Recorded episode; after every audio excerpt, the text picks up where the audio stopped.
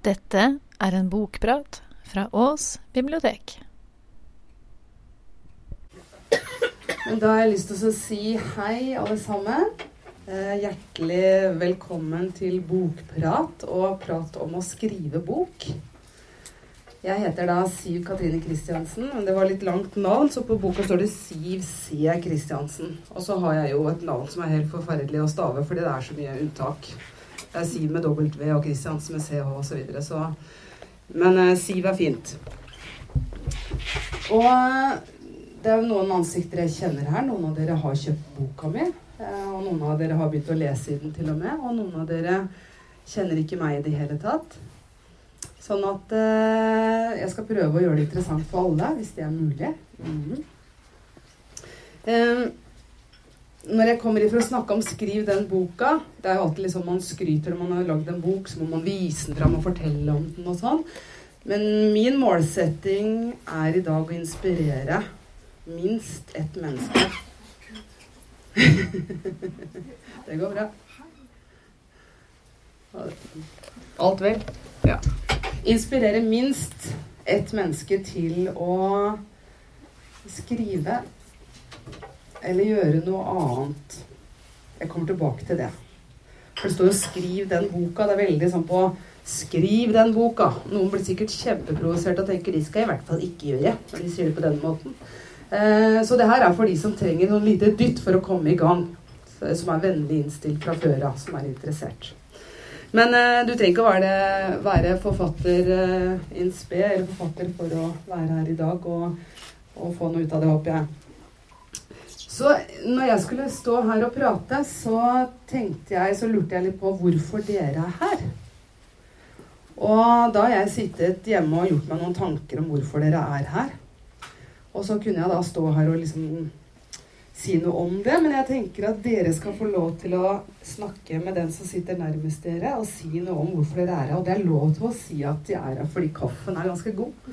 Eh, eller ja, når jeg bare kommer hver gang det er bokprat. Eller så jeg vil at dere skal bruke nå noen, et halvt minutt på å prate med sidemann om hvorfor er det her akkurat i dag. Prater dere sammen? Ja? Hvorfor er det her? Hvilke prater dere?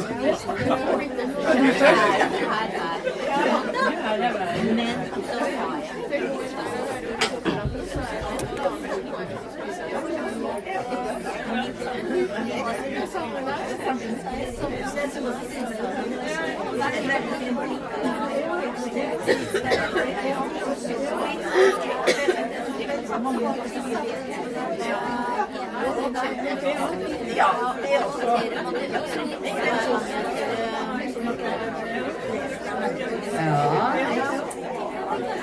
Har dere fått prata litt sammen da? Ja, da har du satt i gang. Nå har jeg satt i gang.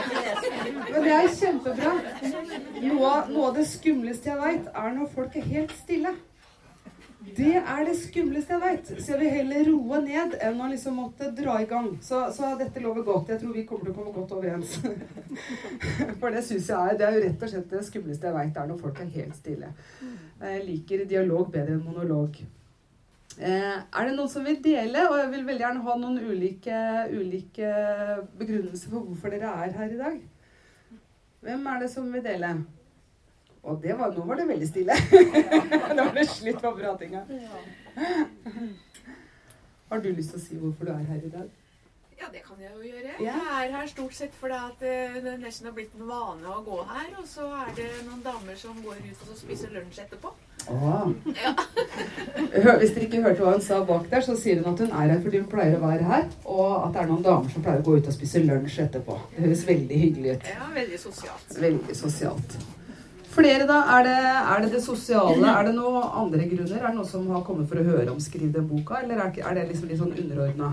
Vi vet jo ikke hvilken bok det er. Nei, dere vet ikke. Jeg vet ikke det. Nei. Så dere kommer, dere er, ja, dere er så åpne at dere kommer uansett. Ja, så bra. Eh, Og jeg vet jo at jeg regner med at dere som regel så har dere vært her og fått høre om Hei, hei, velkommen. Vært her og hørt om eh, romaner, og så kommer dere hit, og så får dere høre om en fagbok. Men jeg har lyst til å starte med å fortelle en fortelling. En kort fortelling fra da jeg var elleve år. Da var det en lærer som eh, hadde hørt meg synge, som mente at jeg var så flink til å synge, så jeg burde absolutt opptre eh, på 1. mai eh, i Moss. Jeg bodde i Moss. Og der var det i Nesparken. Speiderhuset hadde en trescene ute. Og det var over 1000 mennesker som sto i publikum. Og jeg skulle synge 'Det sto en liten løvetann'. Ja. Så jeg husker bare at jeg gikk ut på, ut på scenen, og så begynte jeg Det sto en liten Altså skjedde det noe med halsen, altså. Jeg måtte kremte litt, da.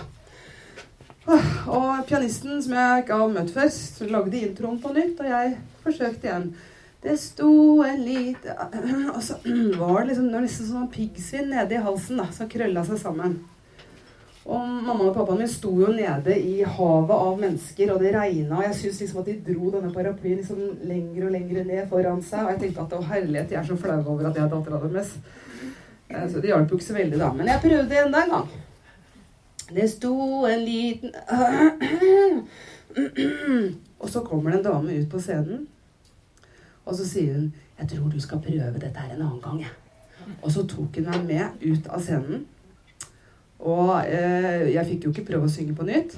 Eh, og jeg var jo helt knust. Og på den tiden så var det sånn at eh, softis det fikk du kjøpt nede på ferjekroa. Horten-Moss ferja. Så vi skulle dra ned dit da og, og eh, få trøsteis, rett og slett. Så vi reiste ned til ferjekroa, kjøpte softis. Så kommer det inn en familie, og der er det en liten gutt som sier Å, se, der er hun der som ikke greide å synge. Ja.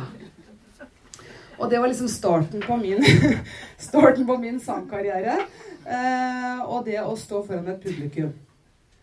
Og, og, derfor er jeg alltid veldig nervøs når jeg skal stå på scenen. Det er veldig få som ser at jeg er det, men jeg tror det henger igjen fra da jeg var elleve år. Og den fortellingen er med i 'Skriv den boka'. Så det er et poeng med det. Det er ikke bare å få unnskylde hvis jeg liksom skulle stotre litt og stamme litt her nå. Men eh, den er med her fordi en del av det å skrive fagbok, så tenker jeg at det er fint å ha med fortellinger. Vi sitter jo med en ekspert her, Synnøve, som bruker det i sine barnebøker. Hun bruker eh, fortelling som et virkemiddel da, for å formidle fagstoff. Mm. Så det er, Jeg tenkte at jeg skulle si litt om meg og min bakgrunn, for det er relevant for hvorfor jeg har skrevet akkurat den boka. Og hvis dere syns det er kjedelig, at, jeg liksom, at ikke det er spennende, så får jeg si litt mer om boka etter hvert. Men her er det lov å komme med. ja, ja, men, det folk er opptatt av seg sjøl, de er ikke så opptatt av andre. Sånn at eh, jeg tar gjerne imot spørsmål og kommentarer underveis. Jeg vet dere var veldig gode på sånn eh, sammen, og ikke så veldig gode på å si det høyt her oppe, men vi, vi prøver. Ja, litt om min bakgrunn, da. Jeg har alltid vært glad i å skrive og synge. Jeg fikk jo en liten knekk da som elleveåring, så det gikk noen år før jeg sto på scenen igjen foran publikum og sang. Men jeg skrev veldig mye. Jeg skrev et dikt. Eh, jeg skrev, Første sangen min var på engelsk, som handla om en svane som eh, At jeg ønska jeg skulle være en vakker svane. Det var liksom min første sang på engelsk. Og eh, så hadde jeg en farfar som kjøpte en bok til meg som sa jeg kunne bruke den som skrivebok. Så det var min første skrivebok. Og det var veldig sånn, godt å bli sett som barn at noen så at jeg likte å skrive, at jeg kanskje hadde talent for det. Så det var veldig inspirerende. Og i den begynte jeg da å skrive min første fortelling som handla om den forsvunne elefant fra et sirkus. Veldig ambisiøst å starte med en sånn diger som skal forsvinne. Eh, ble aldri ferdig med den fortellingen. Men, eh, men, det var min første krim. Ja. Og så har det blitt mange dikt og sanger og fortellinger. Og jeg har alltid drømt om å kunne leve av å skrive og synge. Og jeg har gjort det til tider. Men ikke sånn på Jo Nesbø-måten. Eh, på en litt annen måte. Det er mange måter å, å leve av å skrive på. Jeg starta jo opp teaterverkstedet eh, på Kulturskolen i 2000. Da starta jeg opp Teaterverkstedet og hadde masse flotte dramaelever der.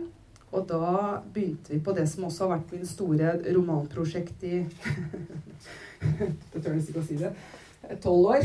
Um, om Fra drømmeverden. Så vi hadde da maredronningens Jeg husker jo ikke egentlig død eller noe sånt. Jeg husker ikke hva vi kalte det. Men vi begynte, så jeg har skrevet teaterstykker også for elever. Og jeg har skrevet uh, kabarettekster og revytekster Og det siste er 'Morsketorsken på fiskeball', som, eh, som jeg sjøl har spilt i, men også som jeg har hatt på skolen med elever, hvor Harriet Müller-Tyll har laget nydelig musikk til. Så, så, jeg har skrevet sanger, dikt, musikkteater og også masse fortellinger. Um, men det var denne romanen da, som jeg står her nesten rødmer når jeg forteller om. For at jeg begynte jo på en roman for tolv år siden. Og det er ikke det at jeg har hatt skrivesperre og ikke klart å fullføre. Jeg har fullført den romanen mange ganger. kom en tidligere elev av meg også. Hei, så hyggelig å se deg. Ville du si noe?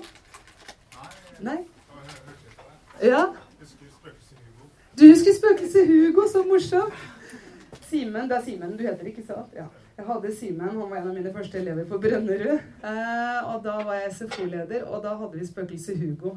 Og det er kjempemorsomt at du husker den. Ja, Så det er en, også en fortelling som jeg har laget om, om spøkelset Hugo, som eh, da blir kasta ut av spøkelsesverden fordi han ikke eh, klarer å skremme. Eh, han kommer da på tørkeloft hvor det er Gaute og Frikke driver og leker, og det får ikke lov til av den sure dama.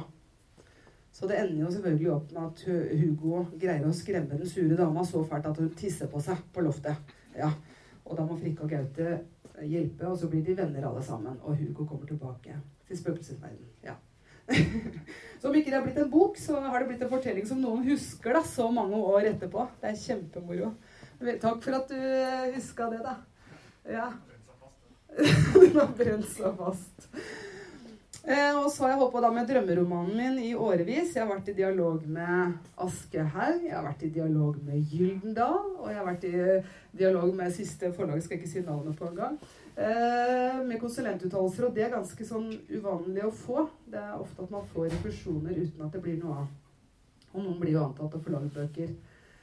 Eh, og da jeg i fjor så sendte jeg inn dette uh, drømmeromanmanuset mitt for uh, jeg vet ikke hvilken gang. Eh, og så hadde jeg da ferie. Jeg, jobber som lærer for tiden. Og hadde da seks uker hvor jeg kunne gjøre hva jeg ville. Nesten sånn.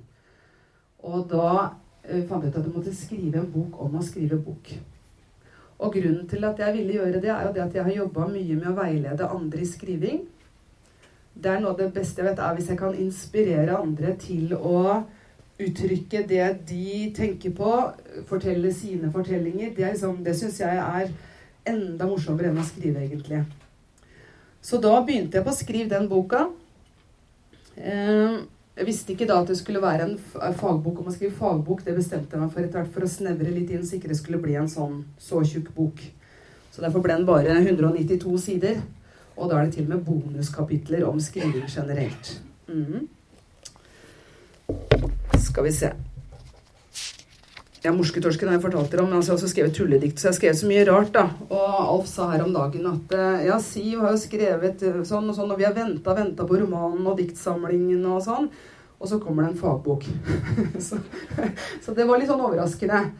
Men, men, det er jo sånn at jeg har jo gått forfatterutdanning, og jeg har lest masse om å skrive. Og da er det der noe måte, når vi putter masse inn, så kommer det noe ut på en måte som eh, ligner noe av det vi har putta inn. Og det er noe med at jeg har lest mange bøker om å skrive, og da er det logisk for meg også å skrive om å skrive. Yes? Ja. Men alle drømmer jo om å skrive roman, da. Eller rekk opp en hånd hvis du drømmer om å skrive roman, eller har hatt en liten drøm. Du trenger, trenger ikke å legge det veldig høyt med sånn Ja, drømmer om noen få modige sjeler som tør å si det. Ja. Nei, og noen har skjønt at det skal jeg ikke begi meg ut på. For det, kanskje Du får jo ikke mer lyst da når du hører at jeg har brukt tolv år på å ikke gi ut en roman. Det er jo ikke noe god reklame for romanskriving. Nei. Noen klarer det på kortere tid. Heldigvis. Mm. Um, jeg må bare bla litt for å se.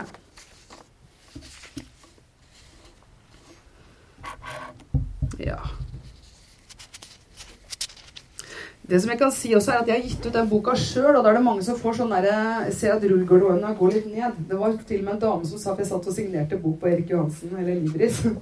Og så sier hun 'Ja, men du har jo ikke gitt den ut sjøl', sier hun til meg. Så sier jeg 'Jo, det har jeg'. og det er noe med at Når folk hører at du har gitt ut en bok sjøl, så tror de at da er, det, da er det ikke bra nok. Nei. Det er ikke du vet hvordan det er. ja. Eh, og det jeg tenker at det, om det er bra nok, det tenker jeg at det må leseren si, eh, er det opp til leseren å vurdere. Men, men eh, jeg har brukt profesjonell omslagsdesigner. Eller vil si at jeg har brukt Katrine Kalleklev, som er kunstner. kjent, Det er mange i bygda som kjenner Katrine. Dette er ikke veldig kalleklevsk illustrasjon. Men det er noe med at det skulle passe til boka. Og så har jeg også hatt redaktør som har hjulpet meg med stoffet. Og jeg har hatt hjelp til språkvask, jeg har hatt hjelp til korrektur. Jeg har til og med fått selveste Jon Evo til å anbefale boka, og han har skrevet over 100 bøker. Det står her. En inspirerende, nyttig og lettlest bok som kan hjelpe deg å komme i mål med skriveprosjektet. Og så har jeg altså hatt hjelp til å ombrekking, og det er et ord jeg lærte meg da når man bestemmer seg for å gi ut bok sjøl, så må man lære veldig mange ting. Blant annet ordet ombrekking. Og ombrekking er når man gjør et manus klart fra datamaskinfil til bokfil.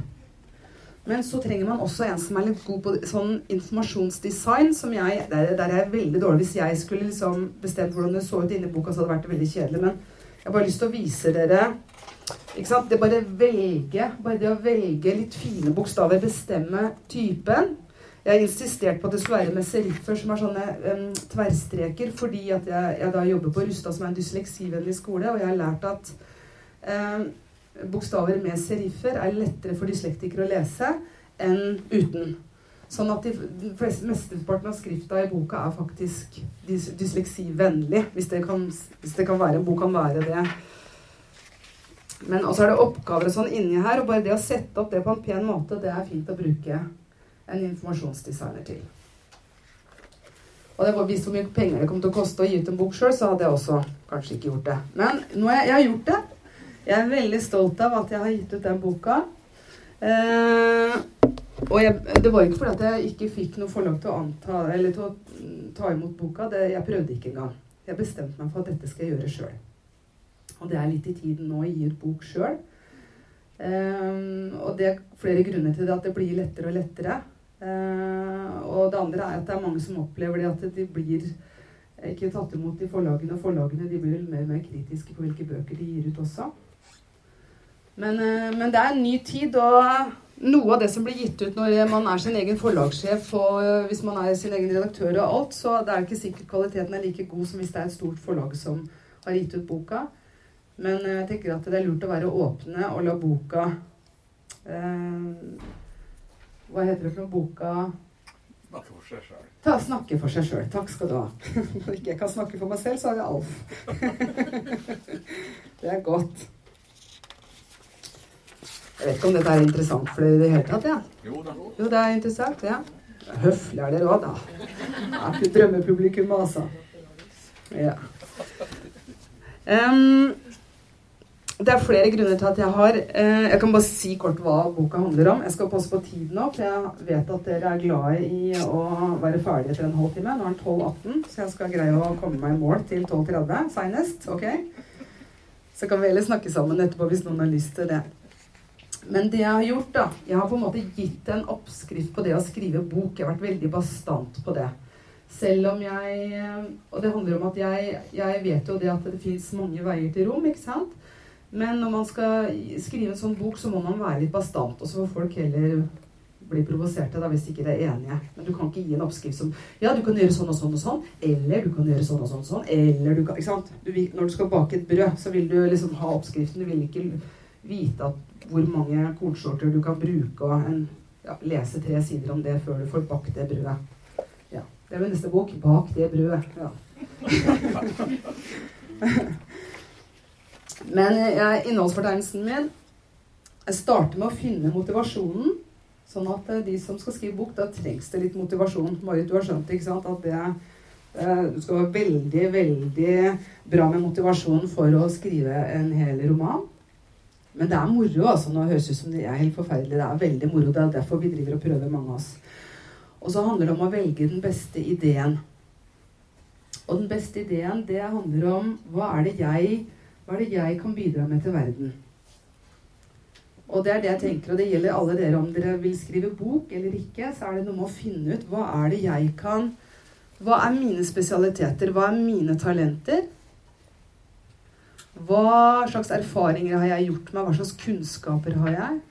Hva slags sunne holdninger har jeg som jeg kan dele med verden? Og det kan bli en bok, eller det kan bli et musikkalbum, eller det kan bare bli en hyggelig gest som man gjør for noen. Så det handler om å finne sin beste idé. Det, det kan være mange ting. Det kan også være det å starte en virksomhet og bruke den beste ideen man har, for å hjelpe andre. Men jeg er veldig Altså når man skriver romaner da, og i kunsten, så, så, så er det jo ofte det at en, en, kunstner skal ikke måtte tenke på publikum. ikke sant? At man skal uttrykke noe som er innenfra, da. Mens her så, så, snakker jeg veldig mye om mottakeren og drømmeleseren.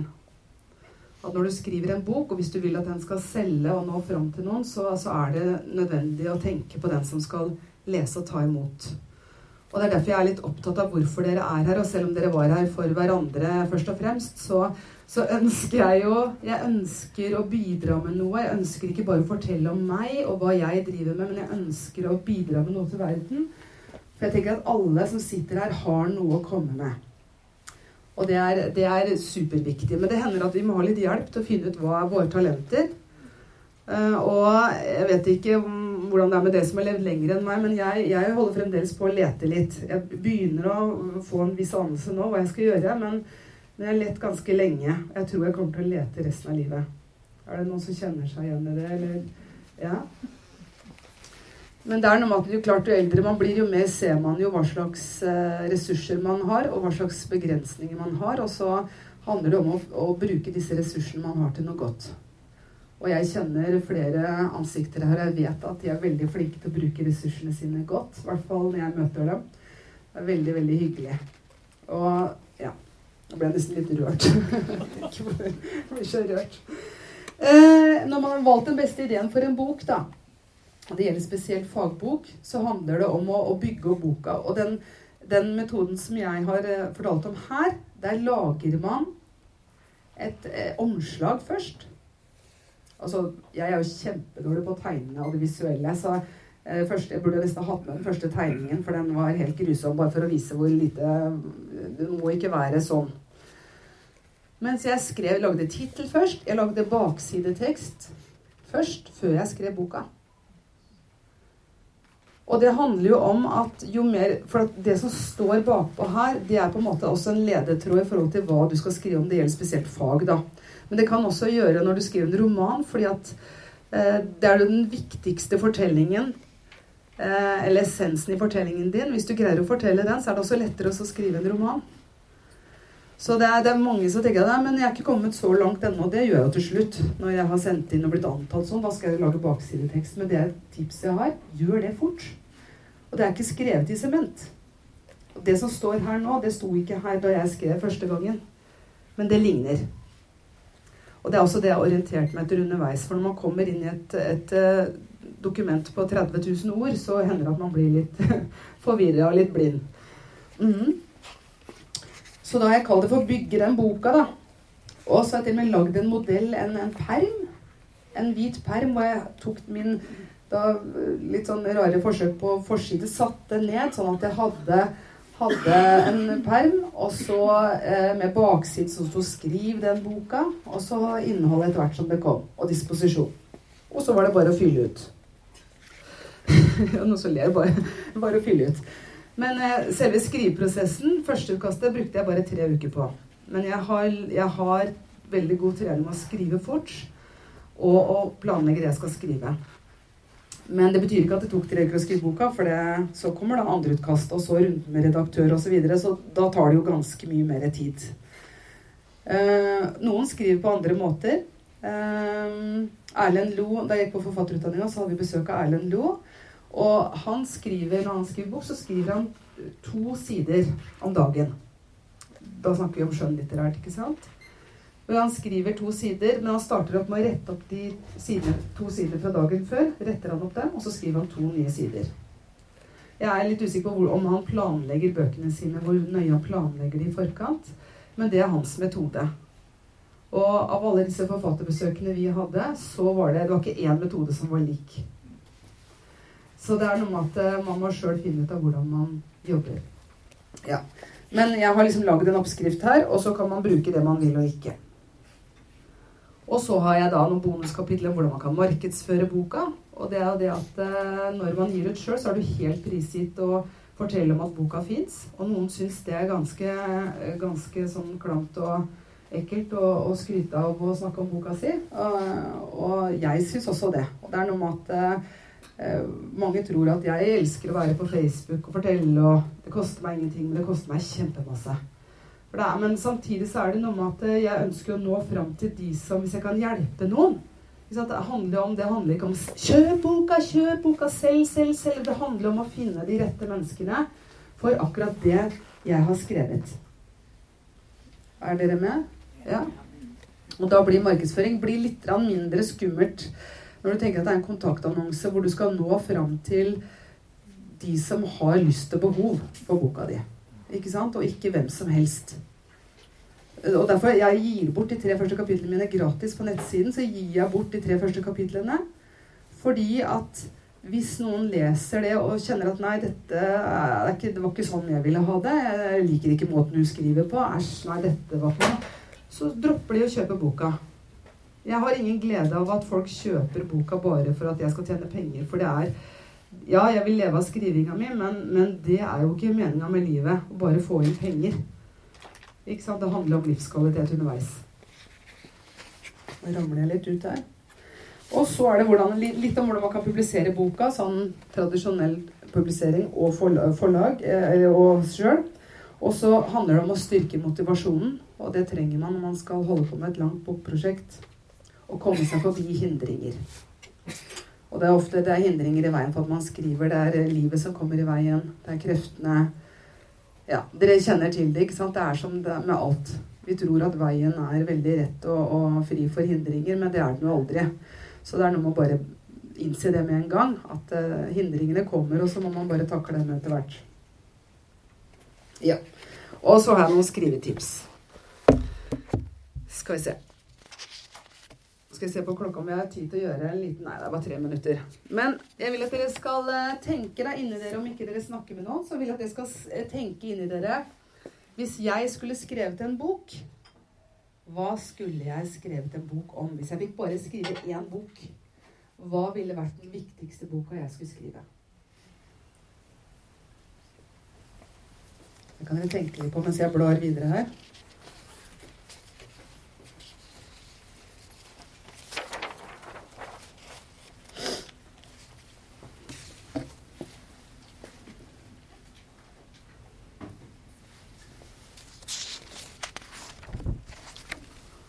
Stille. Men i bunn og grunn så handler, selv om det heter 'Skriv den boka', for meg handler det om eh, Og det er masse oppgaver inni den, men det handler om at jeg tror at hvis vi mennesker eh, finner det vi som er talentene våre, og det vi er gode på, og vi deler det med andre, så tror jeg det, verden blir bedre. Det høres veldig sånn pompøst ut, kanskje, men jeg har veldig tro på det. Eh, det handler ikke om egoisme, det handler om å, å, tilby det beste av seg selv.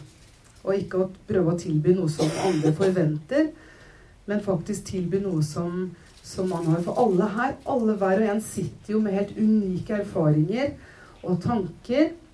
Og så kan man da, som jeg sa i stad, man kan uttrykke det gjennom å skrive en bok, synge en sang, eh, si noe, bake en kake. Altså det fins mange måter å gjøre det på. Og det er det jeg tenker at hvis, hvis, noen skriver bok etter å ha lest boka mi, en bok, og gjerne noe som handler om noe som er eh, bra for menneskeheten, um, så tenker jeg at da er det enda større mening med min bok, for da vil det bli ringvirkninger utover. Og da har jeg bidratt med noe positivt i denne verden. Yes. Jeg tror jeg bare stopper der, jeg. Uh, er det noen spørsmål eller noen kommentarer til det jeg har sagt? Noen som er provoserte? Noen som har sovna? Da må du våkne nå, for nå er det snart kaffe. Ett minutt igjen. Ikke noe spørsmål? Neste boka blir Neste bok blir 'Skriv den fortellingen'. Takk skal du ha. Ja. Fordi at jeg fikk litt jeg ser det, jeg fikk litt dårlig samvittighet når jeg skjønte at noen hadde kjøpt den boka, og så skulle de egentlig skrive roman. Eh, og jeg har jo øvd masse på å skrive fortelling også. Sånn at eh, neste bok blir 'Skriv den fortellingen', og da har jeg selveste Jon Evo som redaktør. Så, så det skal bli veldig bra. Og den skal ko- komme til høsten. Har jeg bestemt. Jeg har, jeg har begynt på disposisjonen. Ja. Så det gleder jeg meg til. Ja. Ja. Og når? Jeg gikk eh, på Det Norske barnebokinstitutt. Det gikk fra 2009 til 2011. Og jeg var eldst. Jeg var eldst faktisk. Det har gått folk der etterpå som har vært over 60. Jeg var eh, faktisk Nå må jeg regne etter hvor mye gammel jeg var. Eh, I 2011, da var jeg Det er jo sju år siden. 42. Men det har gått folk der som er eldre enn meg. Eli Rygg har gått der, blant annet. Og hun tror jeg er eldre enn meg. Ja. Sånn at det er, De tar igjen folk i alle aldre egentlig på Barnebokinstituttet. Og så har de, de har også Det er litt morsomt, da. At Synnøve har eh, Her har jo gått eh, fagbok- eller sakprosadelen av forfatterutdanninga. Eh, nå har hun gitt ut også fagbøker, da. Mens jeg gikk den skjønnlitterære og har også gitt ut fagbok. Men jeg kommer med skjønnlitterær bok på et eller annet tidspunkt. Ja. Mm. Når kommer romanen din? Den du holdt på med tolv år? ja. Ja. Den eh, legger jeg til side nå fordi den er for komplisert. Jeg fikk, altså jeg fikk sånn, siste refusjonen ja, det der, Jeg sendte ut til forlaget i juni i fjor. Og så måtte jeg mase meg til eh, et svar, og så fikk jeg det nå for to uker siden. Og da jeg leste, så, så leste jeg bare slakt, slakt, slakt, slakt, slakt, slakt, slakt. Ikke så verst å skrive dialog. Slakt, slakt, slakt, slakt, slakt. Eh, men etter å ha lest nøye igjen med litt åpnere sinn, så sto det faktisk at jeg hadde fantasi og var god til å fortelle også. Ja, Så det var et par gode ting. Men den er litt for komplisert. Jeg, jeg vet ikke. Jeg har, eh, jeg har en annen først. Eh, en voksenroman, for det er en barneroman. En van som jeg kanskje skal komme først. Jeg har ikke lyst til å gi, opp eh, etter tolv år. Det er ganske Men selv Jon Evo har sagt, da han har vært min veileder også på forfatterutdanninga, Siv, skal du ikke bare la den ligge og skrive noe annet? Og jeg har bare sagt nei! Jeg må skrive om de gode drømmene! Ja. Så vi får se. Det er en kode jeg må knekke som ikke er knekt. Nå må ikke du bli fornærmet. Nei. Nei. Men jeg syns det ble litt mye kornprat. Men Kornprat, altså Du snakket om at eh, vi var ikke interessert i eh, alle kornsortene vi kunne bruke når vi skulle bake sånn. Ja. Ja, for du skriver den boka. Ja. Ja, Og så kommer du til skrivingen. Mm. Altså Du har gitt oss Vi skal tenke Sånn, ja. hva vi Ja. eh, er motivert for å skrive, og det ene med det andre. Mm. Og så kommer du til skrivingen og sier skriv, skriv, skriv. Ja. Og da lurer jeg på hva er det? For det er, det er vel det som må være I hvert fall det er jeg interessert i. Hvordan, Mm. hvordan gjør man det? ja. Ja. Veldig bra. Og det, øh, øh, nå er vi på overtid, men skal jeg si, prøve å si litt om det? Ja. Om skriveprosessen. For det er noe at jeg vet jo ikke helt hva dere lurer på. sånn at øh, jeg kan si mye om skriveprosess, men øhm, Hvorfor jeg, jeg snakka veldig mye om det med idé, og det, det sier jeg fordi at man ikke skal skrive seg bort og ikke bruke tolv år på å bli ferdig. ikke sant? Eh, men når man skriver, det er mange måter man kan skrive på. Tenker du skjønnlitterært eller fagbok, da? Skjønnlitterært. Eh, jeg er litt usikker på hva du vil ha, da. ja.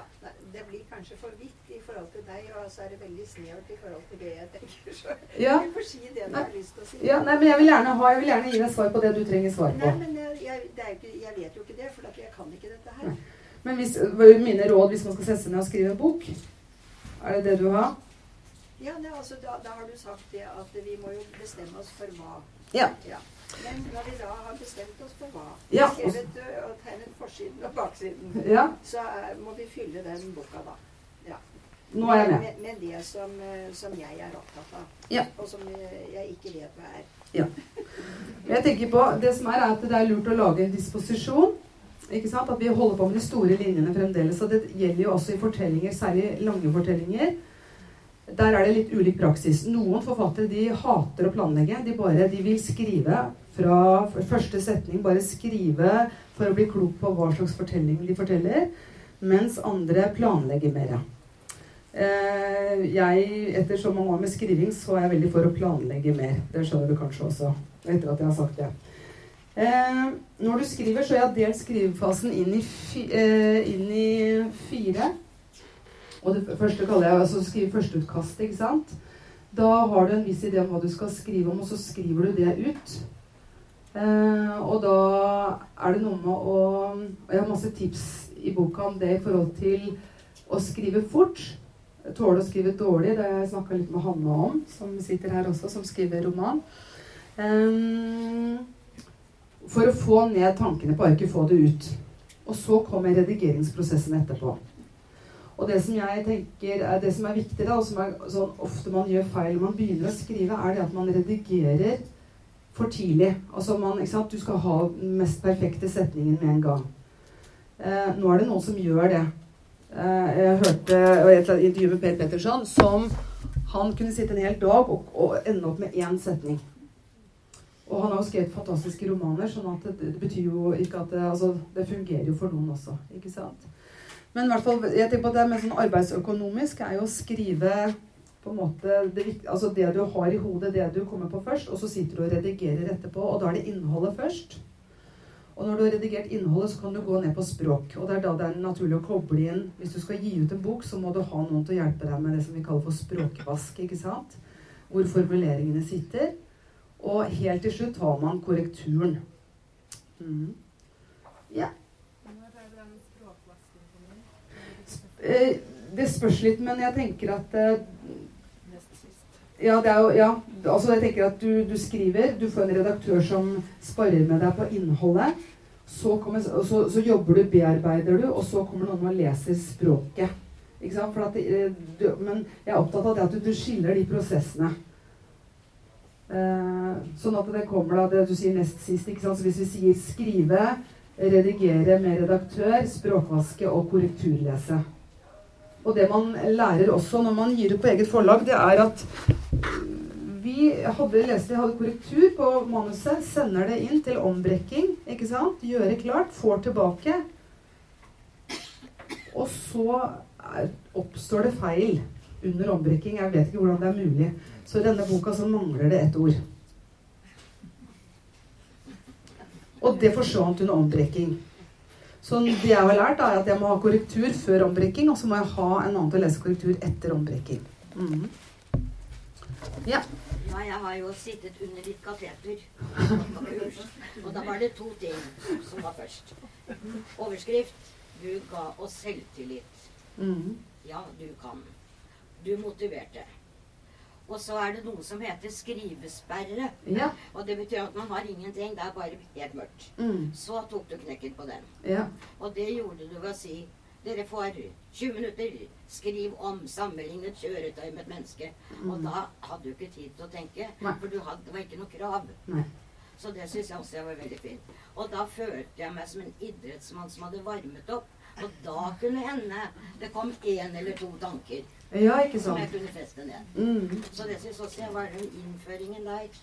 Som du Ja. Det passet meg veldig godt. Og det tror jeg gjelder mange, for det er mange som sier de har skrivesperre, og jeg pleier å si det fins ikke. Nei, akkurat. Det husker jeg. Men det, det er veldig provoserende for de som sier det. Jo, det fins. Du får jo ikke skrevet noen ting.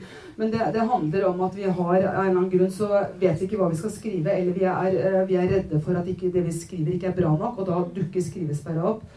Og det, eh, det, Tusen, tusen takk, Rakel. Jeg blir veldig ydmyk da når Rakel, som er liksom min favorittlærer Se på seg som min elev, da. Um, men, men det, med, det, med, å skrive, og det står litt om det her om friskriving, at når man står fast, det å komme i gang med å skrive og skrive på tid, det kan løse mye. Uh, så det, det, er, det, er, en teknikk jeg bruker hele tiden, og uten å tenke så mye på det lenger. ikke sant? Men jeg har jobba mye med det. Så det er også veldig veldig bra når man står fast. da. Så det var kjempebra innspill. Mm. Så nå, Sånne spørsmål skulle vi hatt fra første stund. Da Da har jeg lært det med å sette i gang dere tidligere. Har du fått mer på skriveprosessen nå, eller er det litt mer dere lurer på? Ja, jeg lurer på mye. Ja. ja, men det lar vi ligge. Ja. Har du så har et spørsmål til, så tar vi det. For jeg tenker at Hvis du lurer på det, så er det um, Ok, Kristine? Ja. Jeg blir her etterpå. Og så har jeg et skrivekurs i Ås på D6 om en og en halv uke. Og da jobber vi med eh, de beste ideene. Men vi jobber også med det som jeg kaller for friskriving. Komme i gang, skrive på kort tid. At man får noen verktøy til å skrive.